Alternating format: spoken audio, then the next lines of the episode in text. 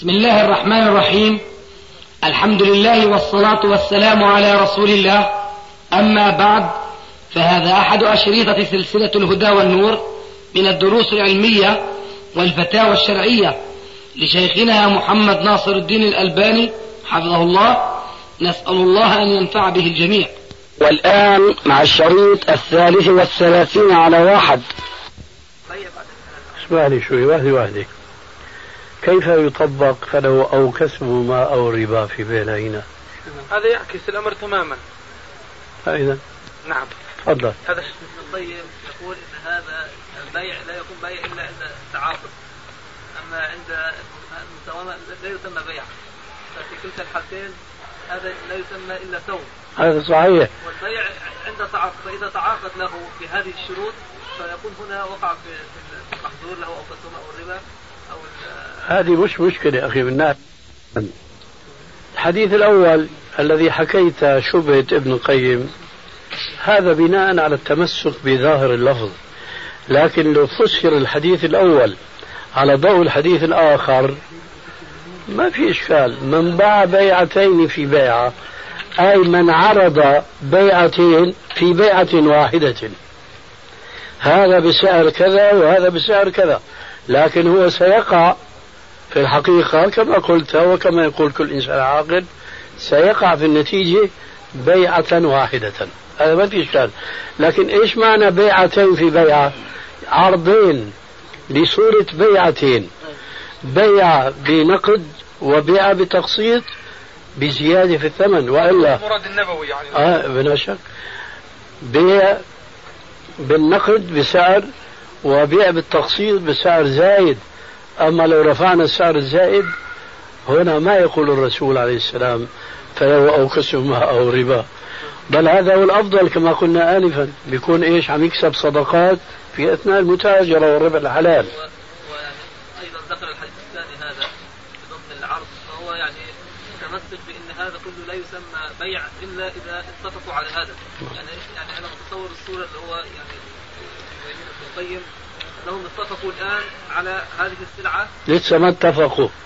لا هو هو هكذا يعني. لا يا أخي أنا معك أنا معك ومعه أنا معك ومعه في النتيجة بيعة واحدة. فهل أحد يقول أن هناك بيعتان حقيقة لا بيعة لها بيعتين. في بيعة يقصد بها البيعة اللي هي السلعة. في بيعة واحدة اللي هي السلعة يعني المبيع. والبيعتين اللي هو اللي هو ال- الأجل السعر اللي هو الأجل أو السعر اللي هو يدفعه حالا. فيقول إذا اتفقوا يعني التعاقد بينهم يعني الآن إذا بعلت هذه سعرها بكذا إن أحضرت المال الآن أو سعرها بكذا إن أحضرت المال فيما بعد. فاتفق على هذا وانتهى العقد على ذلك. فبعد ذلك هو يعني قد يحضر له المال الآن أو قد يحدث له المال بعد ذلك.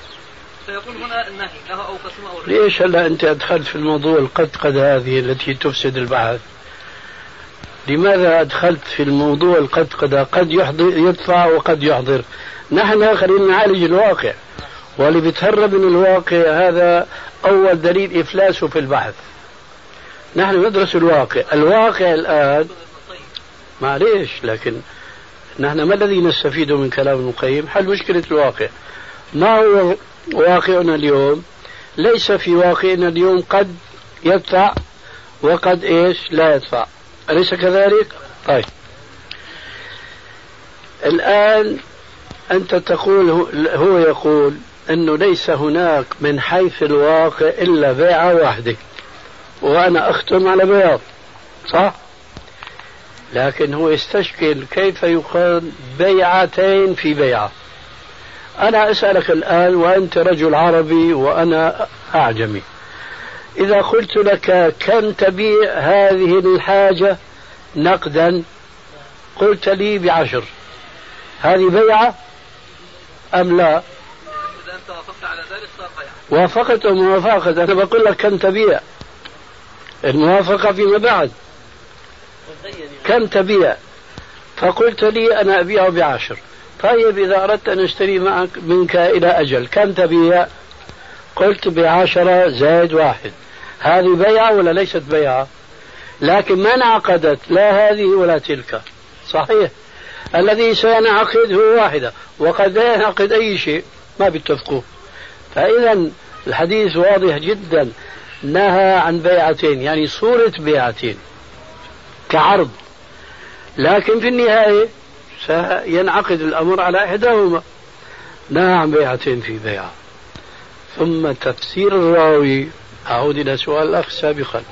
له قيمته لأن الراوي أدرى بمرويه من غيره حتى ولو كان في الأسفل.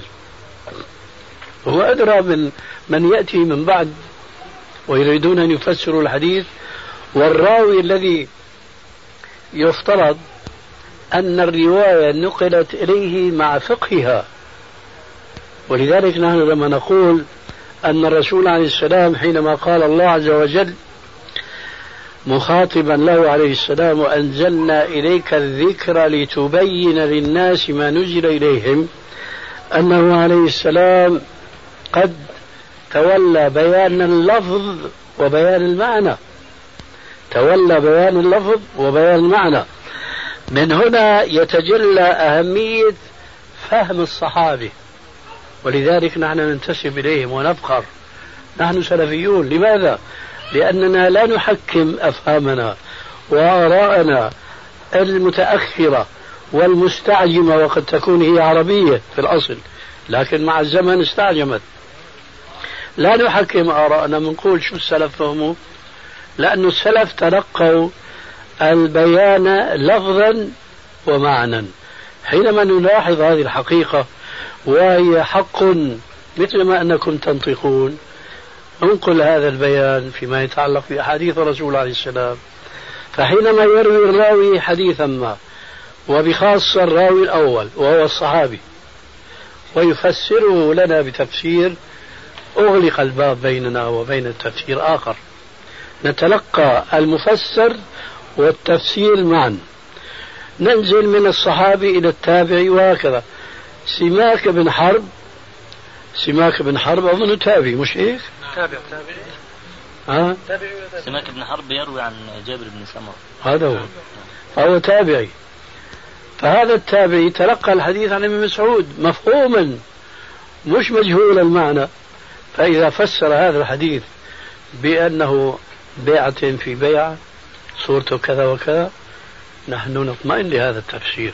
ولذلك تجد كثيرا من العلماء ما يعطلون هذا التفسير وهذا البيان لا سيما وقد صدر من كبار من أئمة الإسلام كسفيان الثوري كما ذكرت آنفا وغيره ممن لا أذكره الآن. لكن هذا التفسير الذي تلقوه بالقبول يتأولونه بناء على مذهبهم. فهم يقولون بيعة في بيعة هو كما قال سماك هذا بعشر الآن نقدا وهذا بإحدى عشر نسيئة. هذا هو المنع عنه. لماذا؟ لأنه صار في صورتين بيفهموا الحديث مثل فهمنا. صار في غرر صار في جهالة. ما عرفنا. يا ترى البيع وقع. على السعر الأقل أم السعر الأكثر؟ يعني على النقد أم على التقسيط؟ بنوا على هذا الفهم وهو خطأ كما سأبينه. أنه لو قال له هذه تقسيطا بعشرة زائد 11 هذا يجوز. لماذا؟ لأنه ما ذكر السعر الآخر. ما عاد بقى في جهالة في الموضوع. نحن نقول أولا فهم الحديث بعلة جهالة الثمن المتردد بين الزائد والناقص. هذا خلاف الواقع الذي يشهد به المتعاملون البائع والشاري معا لما؟ لأن, لأن الذي سيقع حين عرض بيعتين يعني سعرين في بيعة واحدة هو إما أن ينقده وإما أن لا ينقده. فإذا لم ينقده إن نقده فبعد ذلك وقع بيع نقد. وإن لم ينقذه معنى ذلك وقع به أجل. وبخاصة اليوم هل تكتب صكوك وشو بسموها هذه الكمبيالات وإلى آخره؟ من يقول إنه في جهالة في الثمن؟ إيش معنى هذا التعليل؟ هذا كما يقول النحاة لا محل له من الإعراب أبدا. ثانيا من أين جاءوا بهذا التعليم؟ من أصله وفصله. والرسول يعلل بعلة أخرى يقول الربا. فله أو كسهما أو ربا. فهو جعل الزيادة في الثمن ربا. إذا إذا هنا إعلال بالاجتهاد يخالف الإعلال المنصوص عليه في الحديث وهذا باتفاق الجميع أنه إذا جاء الأثر بطل النظر وإذا جاء نهر الله بطل نهر معقل. تفضل إيش عندك؟ شيخي قبل يخطر في بال الشيء في المسألة وقول النبي عليه الصلاة والسلام لا يبع أحدكم على بيع أخيه. هل يتصور أنه يكون البيع تم والصورة انتهت وجاء آخر ليبيع على بيع أخيه؟ أحسنت خذها. انتبهت لها؟ كويس. طب نعم. طب يمكن توضيحها يا شيخ. آه. يمكن توضيح كلام فيه. إيه لا, لا موجود كلاهما. هذا إيش؟ يختلف يعني هذا. كيف يختلف؟ طبعا. يعني تاجرين واحد عرض بضاعته لزبون بيجي جاره بيعرض عليه بده يبيعه. لا هذا البيع هذا بيع على شو اسمه؟ على بيع أحد. على بيع أخيه. أخيه نعم. نعم. في بالموضوع نفسه أيضا قاعدة يذكرها المالكية أظن أو غيرهم يقولون الزمن له ثمن. نعم يقولون بناء على قولهم بجواز طيب هل لها يعني. قيمة من حيث الدليل والبرهان أبدا دليل يرفضه الدليل يرفضه أي نعم. أستاذي في بخصوص أستاذي السؤال السابق. لو أحد يعني التجار باع صنف من البضاعة كالجلباب فدخلت طبعا آه، زبون على المحل عندي وقال هذا عند في المحل الآخر موجود ثمن خمس دنانير وعندك مثلا ب 11 دينار. فأنا الآن بدي يعني ألفت نظر للزبون في هذا فرق بين هذا وبين هاي البضاعة. أي نعم. بجوز هذا أستاذنا؟ بيجوز هذا لكن ما بيجوز هذا الكلام بهيك مناسبة. لأنه نحن نتكلم في آخر التصريح يعني لا هذا أستاذي لأنه أستاذ على بيع أخيه يعني الآن جامع أنا مشترك كلمة البيع يعني. لا بيع الأخ اثنين تاجرين. نعم. أنا مشيته منك. نعم. بشوف جاك زبون فعرضت عليه بضاعة بسعر. نعم. بيجي هو جارك بيقول له يا أخي أنا ببيعك بأقل. نعم أستاذ هذا قصدي أستاذ هذا الآن قصدك؟ أنا أستاذ بدي بدي أحكي أستاذ على بضاعة هذا الرجل مثلا مش هاي البضاعة الجيدة. مش ضروري هذا الرجل. أنت عم تقول الزبون بيقول كذا وكذا. الزبون بيقول كذا وكذا صح؟ نعم. وين العارض للسعر الثاني؟ في الصورة اللي تبعك؟ ما في. أصله لا يبيع أحدكم على بيع أخيه يعني هذا هو الجامع. يعني عفوا أستاذ. يقصده. يبدو قصد أبو ليلى. لا ما لك حق. عم يحكي الأستاذ هنا. نعم.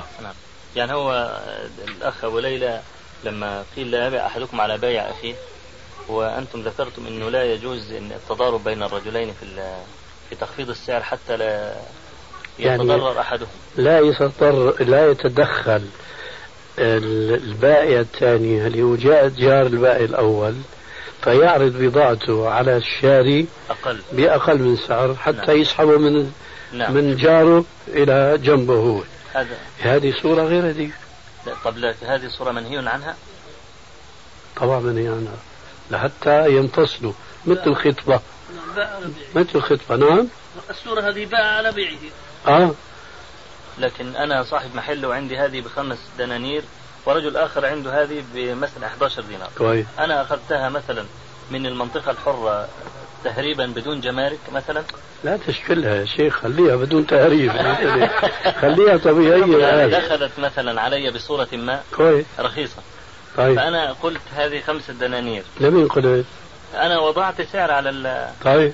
دنانير. طيب. وهذا وضع 11 دينار. طيب. فأنا ما أصلا لا لا, لا يعني أقصد أن أنا أضر ونحو ذلك. يعني يقولون هذا ليس البحث في هذا أبدا.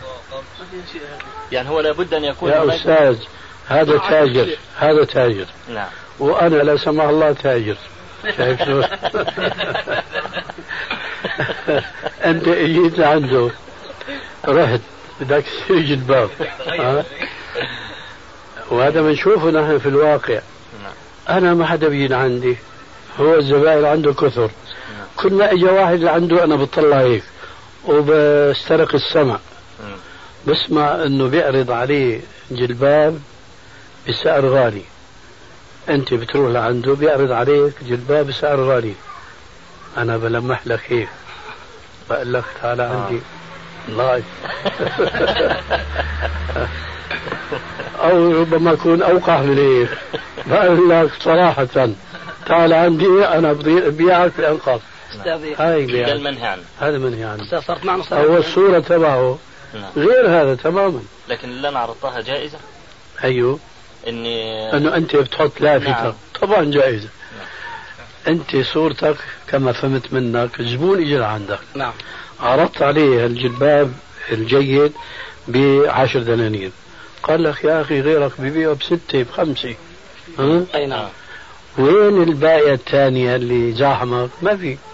الزبون نفسه عم يقول لك إنه هاي سعرها برا بأقل من هيك. نعم. هي ما لها علاقة بموضوعنا لو السابق كان مع أستاذ الجلباب قال لي هذا هو الجلباب. نفس الصورة أخي ما له علاقة بيع بيع لا تبيع على بيع أخيك ما له علاقة أبدا. شوف لي جماعة تأخرت أنا. سؤال يا شيخنا. ورد آه. نكمل الدورة أستاذ؟ ما وصلنا الدوري الله لا يجيبكم الدور نعم. في سؤال من الداخل يقول قرأت في كتاب عناصر القوة في الإسلام لسيد سابق أن التصوف هو علم علم من العلوم الإسلامية وهو في حقيقة أمره روح الإسلام. ما مدى صحة هذا الكلام؟ هذا كلام رأي ووجهة نظر للشيخ سيد سابق. لا نراه صوابا لا من قريب ولا من بعيد.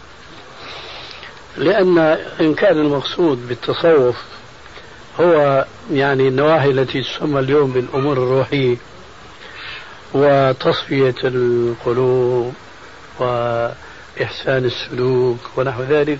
فهذا هو من الإسلام من كتاب الله ومن حديث رسول الله. بينما التصوف أخذ مفاهيم عديدة فما معنى يعني أن نفسر جانبا من الإسلام بالتصوف وهذا التصوف فيه ما فيه من أمور تخالف الشريعة فإذا ما جوبها بها المنتمون إلى التصوف قالوا لا نحن ما نريد هذا إنما نعري نعني سمو في الأخلاق في تصفية الروح وإلى آخره نعم. هذا في الحقيقة يراد به وهذه سياسة الجماعة الذين عرفوا من قبل بالإخوان المسلمين أنه ما يريدون أن يجابهوا المجتمع بما ينفرهم وهذا لا سبيل لأحد إليه يدعو إلى الحق لأنه لو كان هناك إنسان يستطيع أن لا يصطدم مع الناس جميعا لكان هو رسول الله صلى الله عليه وسلم فكيف ومن أسمائه الفارق؟ يفرق بين الحق والباطل والمحق والمبطل وبين الأب الكافر والولد المسلم وهكذا. هذه حقيقة إيه، بعض الناس يتغافلون عنها أو يتجاهلونها أو لا يعرفونها وأحلاها مر. والسلام عليكم. نحتفظ ب يعني بحقوق الآخرين. نعم. إيش قيمة مسند الربيع؟ لا قيمة له إطلاقا. ربيع بن حبيب؟ أي نعم. والآن مع جلسة ثانية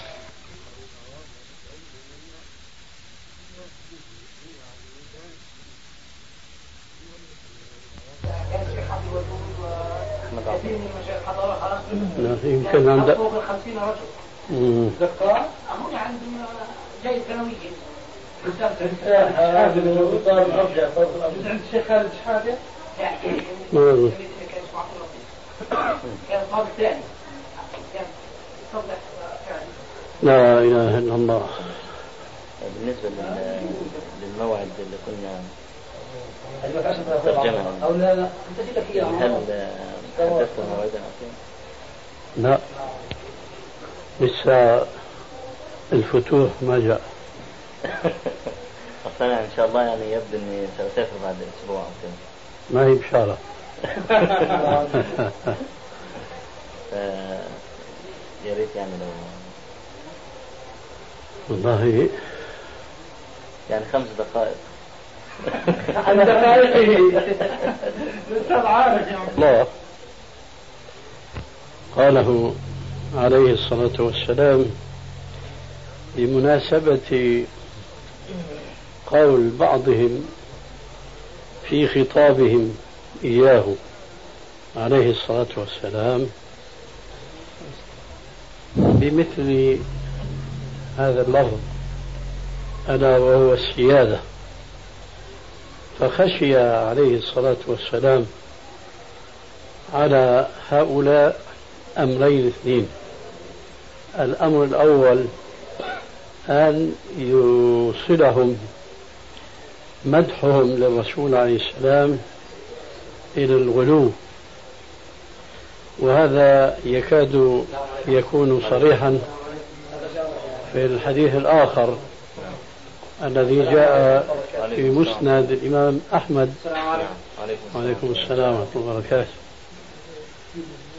أن ناسا جاءوا إلى النبي صلى الله عليه وآله وسلم فقالوا له أنت سيدنا وابن سيدنا وخيرنا وابن خيرنا.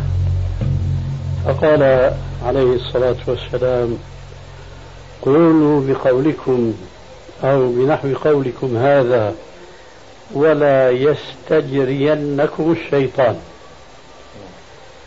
فقوله لا يستجرينكم الشيطان هو صريح أو كالصريح بأنه عليه الصلاة والسلام خشي من هؤلاء الذين خاطبوه بقولهم المذكور أنت سيدنا وابن سيدنا إلى آخره أن يمهد الشيطان لهؤلاء بمثل هذه الكلمات فيصل إلى الغلو في مدحه عليه الصلاة والسلام. ولذلك جاء الحديث المتفق عليه بين الشيخين آه، وهو قوله عليه السلام آه، إنما أنا عبد إيش أول الحديث آه، نعم. لا. لا قبلي قبلي. إيا. لا تطروني. لا تطروني. كما أطرت النصارى عيسى ابن مريم إنما أنا عبد فقولوا عبد الله ورسوله. هذا هو السبب الأول وهو أنه عليه السلام خشي من الذين مدحوا الرسول عليه السلام بذلك, بذلك المدح الجائز أصلا أن يوصلهم الشيطان إلى أن يقولوا فيه ما قالته النصارى.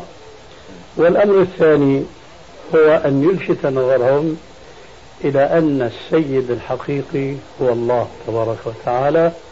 لذلك قال لهم السيد الله.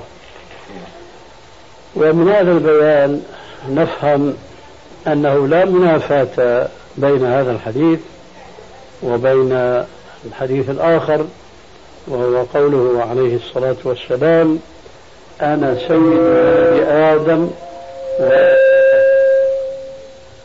أنا سيد ولد آدم ولا فخر وفي الحديث الآخر أنا سيد الناس يوم القيامة أتدرون مما ذاك ثم ذكر عليه السلام حديث الشفاعة الطويل. هذا ما عندي جوابا عن سؤالك هذا. وقوموا إلى سيدكم أيضا يأخذ هذا المجرى؟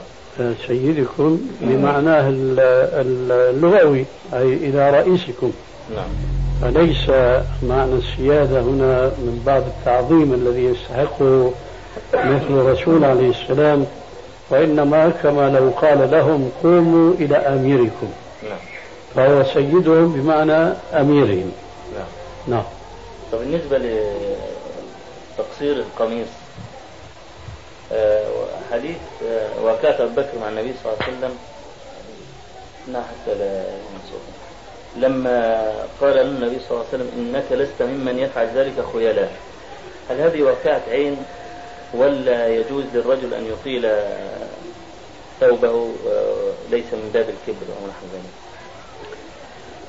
لا يجوز للمسلم أن يتعمد إطالة ثوبه بدعوى أنه لا يفعل ذلك خيلاء وذلك لسببين اثنين.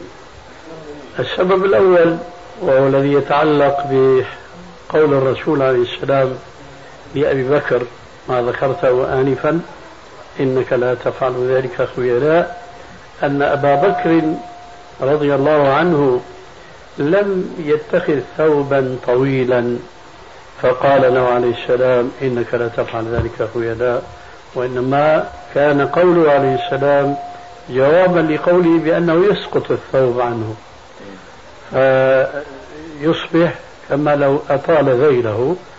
فأجابه الرسول عليه السلام بأن هذا أمر لا تؤاخذ عليه لأنك لا تفعله قصدا لا تفعله خيلاء. فلذلك لا يجوز أن نلحق بأبي بكر ناسا يتعمدون إطالة الذيول ثم يقولون نحن لا نفعل ذلك خيلاء فحادثة أبي بكر لا تشهد بهؤلاء مطلقا. والسبب الآخر هو أن النبي صلى الله عليه وسلم قد وضع نظاما للمسلم في ثوبه ومقدار ما يجوز له أن يطيل منه. فقال عليه الصلاة والسلام أزرة المؤمن إلى نصف الساق فإن طال فإلى الكعبين فإن طال ففي النار. فهنا لا يوجد العلة التي جاء ذكرها في الحديث الصحيح. من جر إزاره خيلاء لا ينظر الله عز وجل إليه يوم القيامة. هذا وزر أشد من وزر من يطيل آه، إزاره تحت ساقيه. بمعنى أن إطالة الإزار تحت الساقين عمدا بغض النظر هل فعل ذلك خيلاء أم لا فهو مؤاخذ عليه صاحبه وهو في النار. لكن إن اقترن مع هذه المخالفة لهذا النظام النبوي إلى نصف الساقين فإن طال فإلى ما فوق الكعبين فإن طال ففي النار. فإن اقترن مع هذه المخالفة لهذا النظام أنه يفعل ذلك خيلاء فهو الذي يستحق وعيد آه، فقده لرحمة ربه وتوجه ربنا عز وجل إليه بالنظرة الرحمة إليه يوم القيامة. لذلك لا ينبغي أن نأخذ من قصة أبي بكر جواز الإطالة بقصد بدون قصد الخيلاء لأن هذا يخالف نظام الحديث السابق وهذا واضح إن شاء الله. فيا شيخنا يعني نلاحظ أن كثير من الإخوة يلبس القميص قصير وبعدين يلبس تحته بنطلون طويل. يعني يصل أحيانا إلى ما تحت الكعبين. هل هذا داخل في النهي أيضا؟ كل الدروب عالطاحون لا يجوز أيضا. طب الجملة هذا عندنا بالشام كل الدروب عالطاحون يعني كل طريق بيوصل إلى المحرم محرم. فهو محرم. نعم. ولا يجوز هذا. لأن الإزار ليس مقصودا بذاته.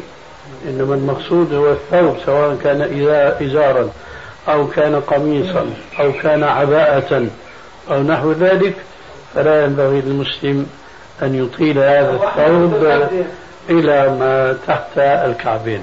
نعم. حديث إياك وإسبال الإزار فإن إسبال الإزار من الدخيلة هذا الحديث يعني قد يدل على أنه سواء نوى أن يكون هذا من الخيلاء أو ليس من الخيلاء هو بمجرد أن نسبل ازاره بعد الكعبين هذا يكون خيلاء.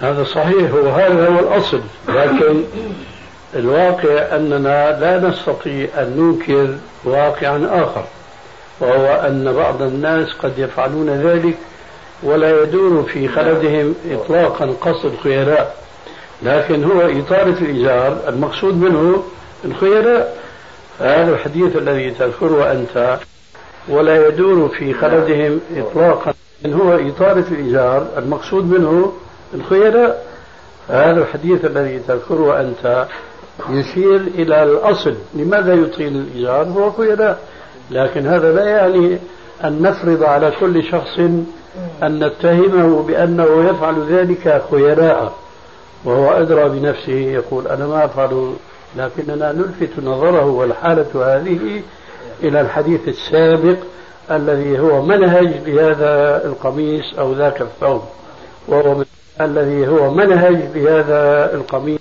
نفرض على كل شخص أن نتهمه بأنه يفعل ذلك خيلاء وهو أدرى بنفسه يقول أنا ما أفعل لكننا نلفت نظره والحالة هذه إلى الحديث السابق الذي هو منهج لهذا القميص أو ذاك الثوب وهو من حديث أبي سعيد الخدري رضي الله عنه. نعم. بالنسبة لخدمة المرأة في الدار واجبة ولا مستحبة؟ الرجال قوامون على النساء بما فضل الله بعضهم على بعض وللرجال عليهن درجة. فيجب على المرأة أن تخدم زوجها مقابل قيامه هو بالواجبات التي فرضها الله عز وجل عليه من الإنفاق ومن السكن ونحو ذلك. فلا يجوز أن يقال إن حق الرجل فقط منها الاستمتاع بها لأن هذا أمر مشترك بين الزوجين. فكما هو يستمتع بها فهي تستمتع به فهنا صاروا اثنين راس براس. استويا فمقابل النفقة التي يقوم بها الرجل يجب على المرأة أن تقوم بخدمته. ولا شك أن هذه الخدمة هي في حدود الطاقة والاستطاعة ولا يكلف الله نفسا إلا وسعها. أما أن يصل الأمر إلى أن يقال وقد قيل فعلا مع الأسف أنه لا يجب عليها أن تقدم له كأس ماء. الله أكبر.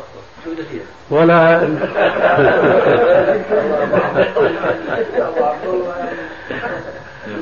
ولا أن تهيئ له فراش. وما أدري من سيهيئ الفراش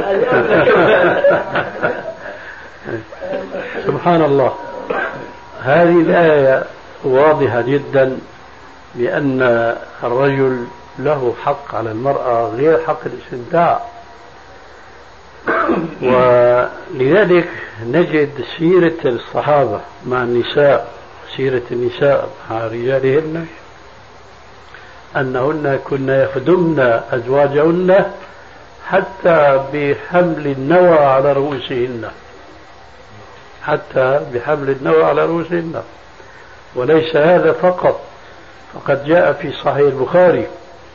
أن السيدة فاطمة بنت رسول الله صلى الله عليه وآله وسلم جاءت إلى أبيها تشكو إليه أن في يديها أثرا من الرحى وهي تطحن في الدار فهي تطلب منه خادما عليه الصلاة والسلام. فقال لها ألا أدلك ما هو خير لك من خادم؟ تسبحين الله عند النوم ثلاثة وثلاثين إلى آخر الحديث. لو كان لا يجب عليها وهي بنت سيد البشر لو كان لا يجب عليها أن تخدم زوجها لرجع إلى زوجها ليقول له عليه الصلاة والسلام حسبك لا تكلف زوجك أن تخدمك وهذه آثار الخدمة في يديها. ولكنه تحمل ذلك لأنه هو الذي أنزل عليه تلك الآية الكريمة وللرجال عليهن درجة. فالآية مع السنة العملية التي كان عليها الصحابة مع أزواجهن وهن مع أزواجهن أي نعم كل ذلك يدل على أن المرأة يجب عليها أن تخدم زوجها وفي حدود ما قلنا من الاستطاعة. نعم. لكن بعض الناس يا شيخنا يقول إن سكوت النبي صلى الله عليه وسلم هل يكفي في دعوى الوجوب؟ يعني أنه سكت. نحن ما قلنا الحجة فقط هذا، نحن نقول الحياة العملية هي تفسير للآية السابقة. العمل وحده لا يكون دليلا بطبيعة الحال على الوجوب لكنه إذا جاء تفسيرا للنص في القرآن أو في السنة فحين ذاك يدل على الوجوب طيب بعض الناس يقول لو كانت المرأة تخدم في بيت أبيها بخادم يجب على زوجها حتى وإن كان فقيرا أن يأتي لها بخادم. هذا صحيح؟ نقول هاتوا برهانكم كنتم صادقين. هذا طبعا ليس بصحيح لأنه كل قول يدعى وليس عليه من دليل من كتاب الله ومن حديث رسول الله. فهو بطبيعة الحال ساقط اعتبار. كيف وما سبق من البيان يكفي أنه لا يجب على الرجل أن يأتي بالخادم إلى زوجته.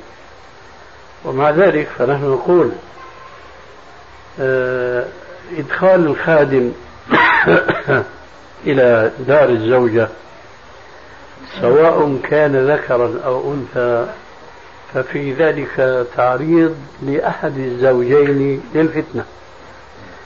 لأن الخادم إن كان امرأة فالفتنة قد تقع للرجل وإن كان رجلا فالفتنة قد تقع للمرأة. ولذلك فمن المخاسر التي يتعرض لها العالم الإسلامي بسبب تركه الجهاد أولا ثم بسبب انجراف كثير من الكتاب الإسلاميين إلى تبني آه، تحريم الرقيق ثانيا فهم خسروا حلا لمشكلة الزوجة التي قد تحتاج إلى من يخدمها. فهو حينما فالزوج حينما يكون في مجتمع إسلامي حقا وترفع فيه راية الجهاد في سبيل الله ونقل الدعوة من دار الإسلام إلى دار الكفر هناك سيقع للمسلمين أسرع من الرجال ومن النساء ويصبح الكثير منهم آه، رقاء للمسلمين. ففي هذه الحالة يستطيع الرجل أن يدخل إلى داره سرية تحل له من جهة وتخدم زوجه من جهة أخرى. اللهم بالبيت لكيك نعم بعض الفقهاء في مسألة قالوا إذا طلبت المرأة قدرة إرضاع فيها من الزوج وجب عليه أن يعطيها هذا لا هذا كما سبق يعني هذا لا دليل عليه بل هذا نابع من النبع العكر المخالف لما سبق من الآية وهدي السلف الصالح. حتى قال بعضهم أزيدك وربما لا أقدم إليك علما وإن قدمت إليك علما فلا أقدم إليك علما نافعا. لأن بعضهم قال يجب على الرجل أن يشتري الدخان للمرأة التي تدخن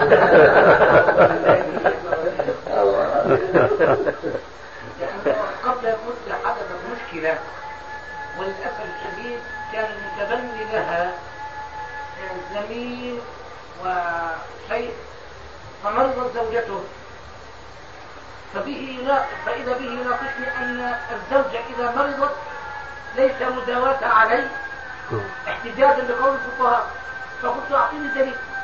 الزوجة إذا مرضت مداواتها عليه و و وإذا أنجبت فإرضاعها عليها. يعني الزوجين الزوجان متكافلان متضامنان في الحياة. تمام. تمام. لا شك متعاونان. كل عليه حق. نعم. بالنسبة للنبي صلى الله عليه وسلم هل صلى حاسر الرأس مرة؟ أنا لا أستطيع أن أقول صلى أو ما صلى. وأستطيع أن أقول صلى كثيرا. لا أستطيع أن أقول صلى أو ما صلى لأن سؤالك من حيث لفظه مطلق. لكن من حيث قصد المتلفظ له مقيد. فإن كنت تقصد هو كده هو كده نعم. واخد بالي؟ ولذلك أنا بقول اللفظ هذا والقص كذا. القص من السؤال هل صلى في يوم ما حاسر الرأس وهو غير محرم؟ يعني في الوضع الطبيعي. ففي هذا القيد لا استطيع أن أقول صلى أو ما صلى لأنه لا يوجد لدينا نص يثبت أو ينفي. اللهم إلا حديثا يرويه أبو الشيخ في أخلاق النبي صلى الله عليه وآله وسلم بإسناد ضعيف جدا أن النبي صلى الله عليه وآله وسلم كان إذا كان في سفر كان يضع قلنسوته بين يديه يصلي إليها. فإذا هذا النص لو صح كنا نستطيع أن نقول صلى أحيانا حاسر الرأس متسترا بقلنسوته لكن هذا الحديث ضعيف الإسناد جدا. فهو في حكم المعدوم. بل الحديث الضعيف سنده فيما صرح به الإمام الحافظ ابن حبان هو في حكم العدم.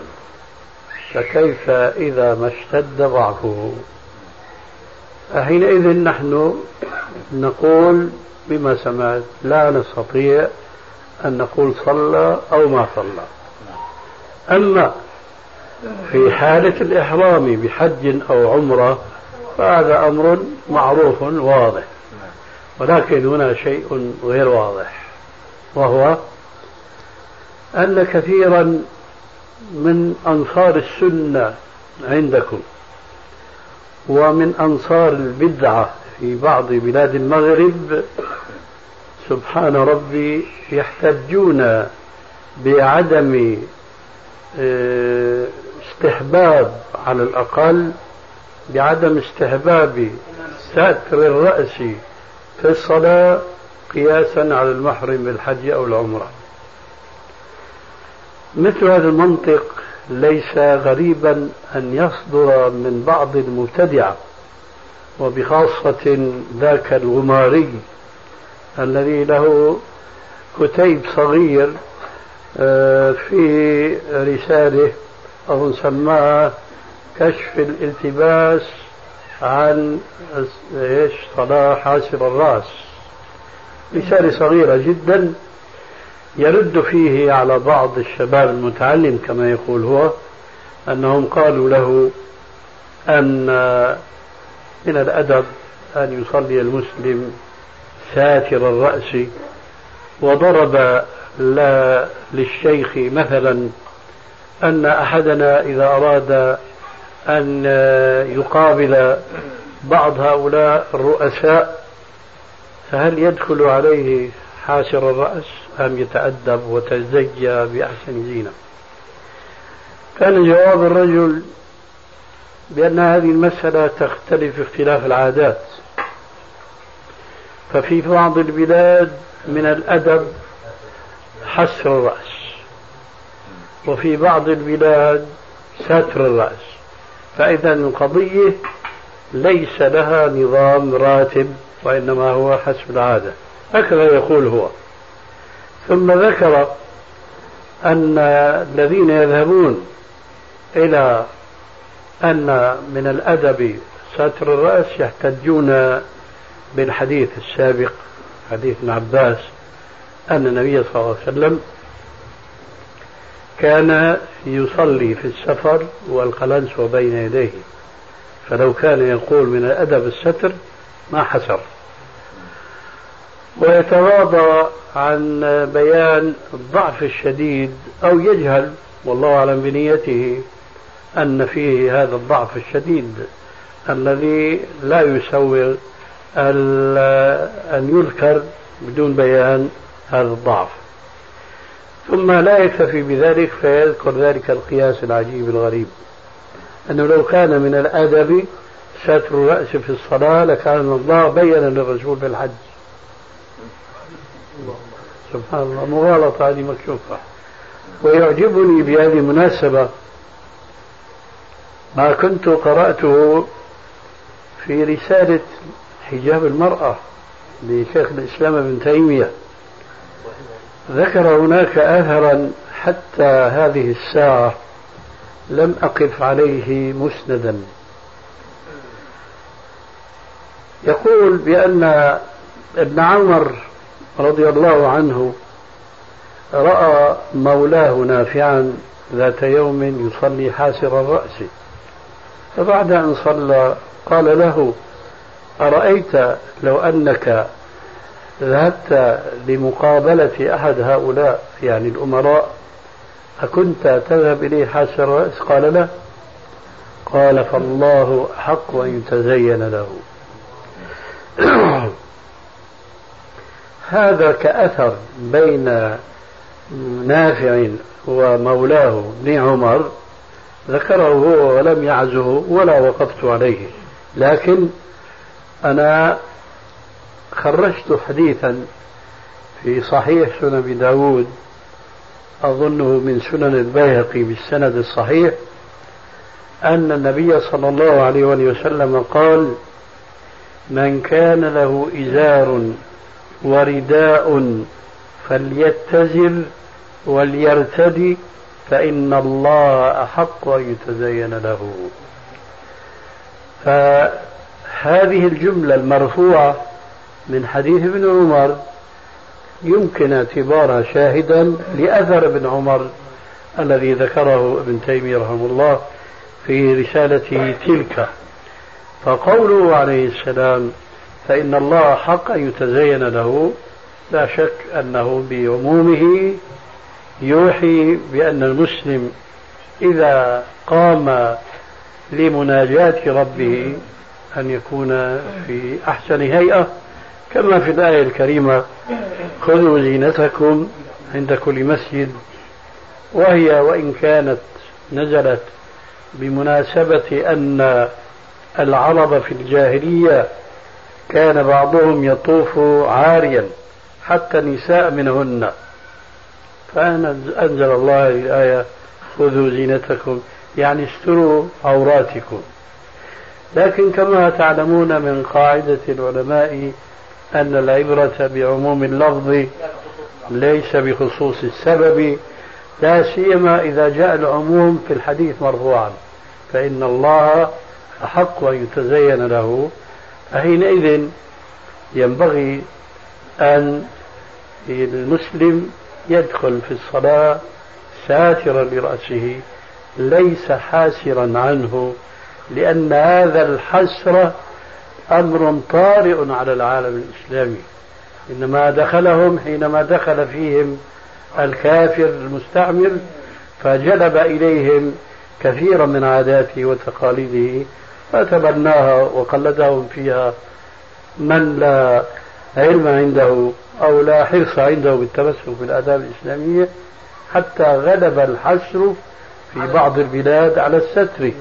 لكن لا يزال هناك بلاد إسلامية أخرى خاصة العاجم هذول اللي بذمهم بعض القوميين لا يزالون يحافظون على هذه الآداب. ولذلك فلا ينبغي أن يقال كما قال ذلك الشيخ أن القضية تختلف اختلاف العادة. القضية تختلف اختلاف العادة لو كانت هذه العادة أن أعني عادة الحسر لو كانت عادة إسلامية أما وهي عادة غربية فنحن يجب أن نحاربها وأن نبعد الناس عنها حتى خارج الصلاة. فكيف بالصلاة؟ بسم الله الإمام أحمد رضي الله عنه لا أدري لعلك وقفت على رأيه لما قرأته أنه يكره إمام يا سيدي هو القضية تعود فعلا إلى ما ذكرناه آنفا أن هناك عادات وآداب إسلامية عامة كان إذا أخل بها المسلم ينسب إلى أنه ساقط المروءة. فإذا كان ساقط المروءة لم تقبل له شهادة. فمن هذا الباب يقول بعض العلماء بما ذكرته آنفا. وليس من الضروري لأنه انظر الآن عورة المسلم من السرة إلى الركبة. لكن لو خرج أحدهم خاصة إذا كان شيخا فاضلا مشان حتى يبين للناس أن العورة فقط من هنا إلى هنا. نعم؟ منظر سيء. منظر سيء. هذا بيقول الناس عنه مجنون. نعم. وهذا بلا شك يعني ساقط المروءة فلا يجوز مع أنه الأصل جواز. ولذلك فسقوط المروءة لا تسقط بمجرد ارتكاب محرم لا ولو بارتكاب شيء غير معتاد الظهور فيه على ملأ من الناس. ومن هذه الزاوية كانوا يعتبرون الذي يمشي حاس الرأس أنه كما يقول كما يقول الأتراك أدب سز يعني قليل الأدب. فقليل الأدب ساقط المروءة. فهو ساقط الشهادة. والواقع أنه يعني الصداق ما تفضلت به يعني حقيقة يلمسها بالنفوس عندما أدخل إلى مسجد وأرى من بعض طلبة الشريعة الذين يؤدون الصلاة بنا يؤديها حتى الرأس أن نفسي لا تطمئن إلى الصلاة وراءها الله المستعان. طيب. تفضل. حدوث أثر النبي صلى الله عليه وسلم أنه صلى إلى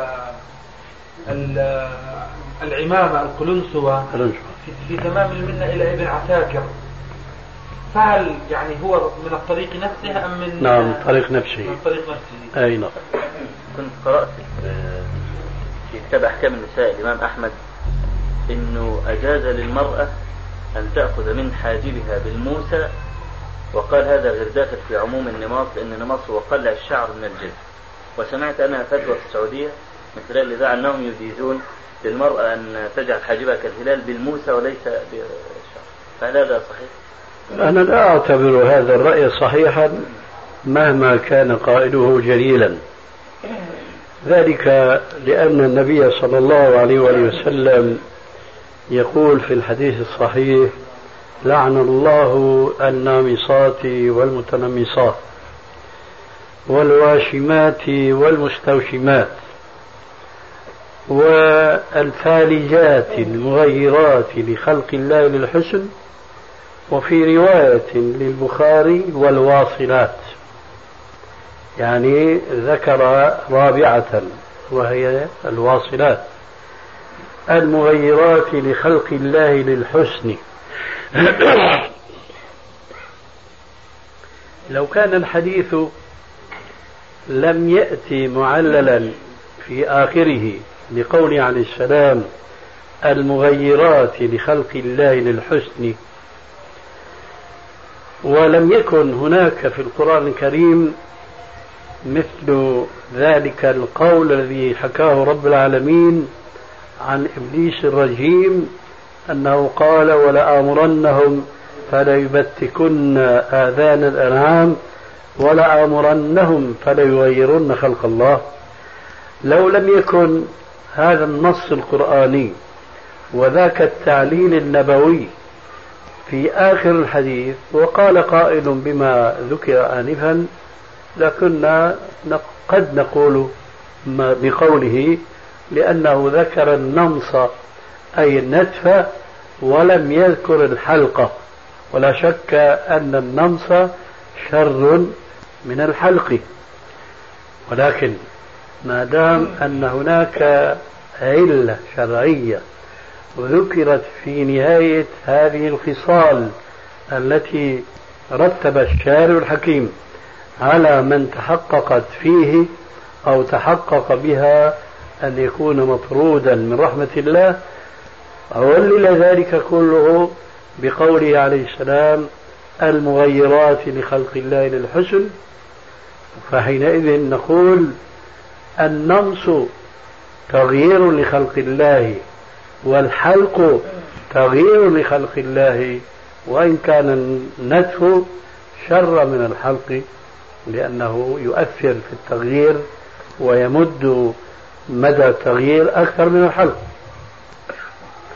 لذلك فبالنظر إلى هذه العلة الشرعية لا يجوز للرجل آه للمرأة فضلا عن الرجل أن يحلق حاجبه أو خده أو أي مكان من بدنه لم يؤذن له بذلك من الشارع الحكيم لأنه داخل في عموم قوله عليه السلام المغيرات لخلق الله للحسن. طب ابن جرير الطبري بعد ما ذكر مثل ما قلتم جوز للمرأة أن تأخذ الشعر الذي فوق الأنف مباشرة إذا توصل الحاجبان هذا جائز ولا؟ يفهم الجواب مما سبق. كل تغيير لخلق الله لم يؤذن به في الشرع فهو داخل في النهي بل في اللعن. وإن كان منظرها مستبشع جدا يعني. عند عند العقول المستبشعة وهذا يذكرني بحديث جميل جدا. هناك حديث أن النبي صلى الله عليه وسلم رأى أحد أصحابه نسيت اسمه الآن أه وقد أطال إزاره. فقال الرجل بأنه أحنف. وهو الذي تصطك ركبتاه. بيكون في انحراف في ساقيه هيك. يمكن أفتح فهو أطال إزاره ليستر هذا العيب الذي يتوهمه. فماذا قال له نبيه؟ قال يا فلان كل خلق الله حسن.